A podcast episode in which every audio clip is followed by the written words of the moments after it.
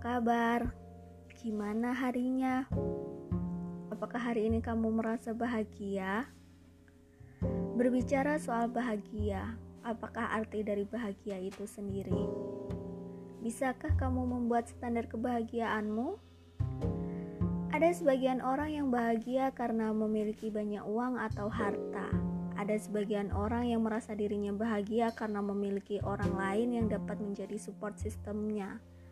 Ada sebagian orang yang merasa bahagia saat memiliki apa yang mereka inginkan. Ada sebagian orang yang bahagia saat bersama orang yang disayangi. Ada pula orang yang bahagia saat dirinya sedang sendirian. Apa yang membuat kita bahagia belum tentu membuat orang lain bahagia. Tolok ukur kebahagiaan setiap orang berbeda-beda. Sebenarnya tidak ada yang berhak menghakimi kita tentang standar kebahagiaan kita masing-masing. Karena orang tidak melihat seluruh rangkaian cerita hidup dalam diri kita. Perihal bahagia. Ada pepatah yang mengatakan bahwa kita akan mencapai kebahagiaan dikala kita bersyukur.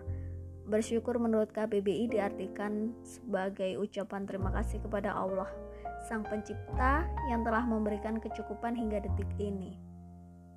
Sebenarnya makna bersyukur menurutku adalah membuat jiwa kita menjadi tenang dan damai. Kita bersyukur, kita lega, kita ucapkan terima kasih atas segala kebaikan Allah. Ketika jiwa kita tenang, jiwa kita damai, kita tidak akan memiliki perasaan negatif, hanya memiliki perasaan positif yang salah satunya adalah bahagia. Jadi, sudahkah kita bersyukur atas apa yang telah Allah berikan hari ini?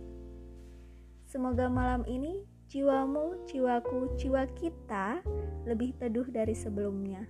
Selamat malam.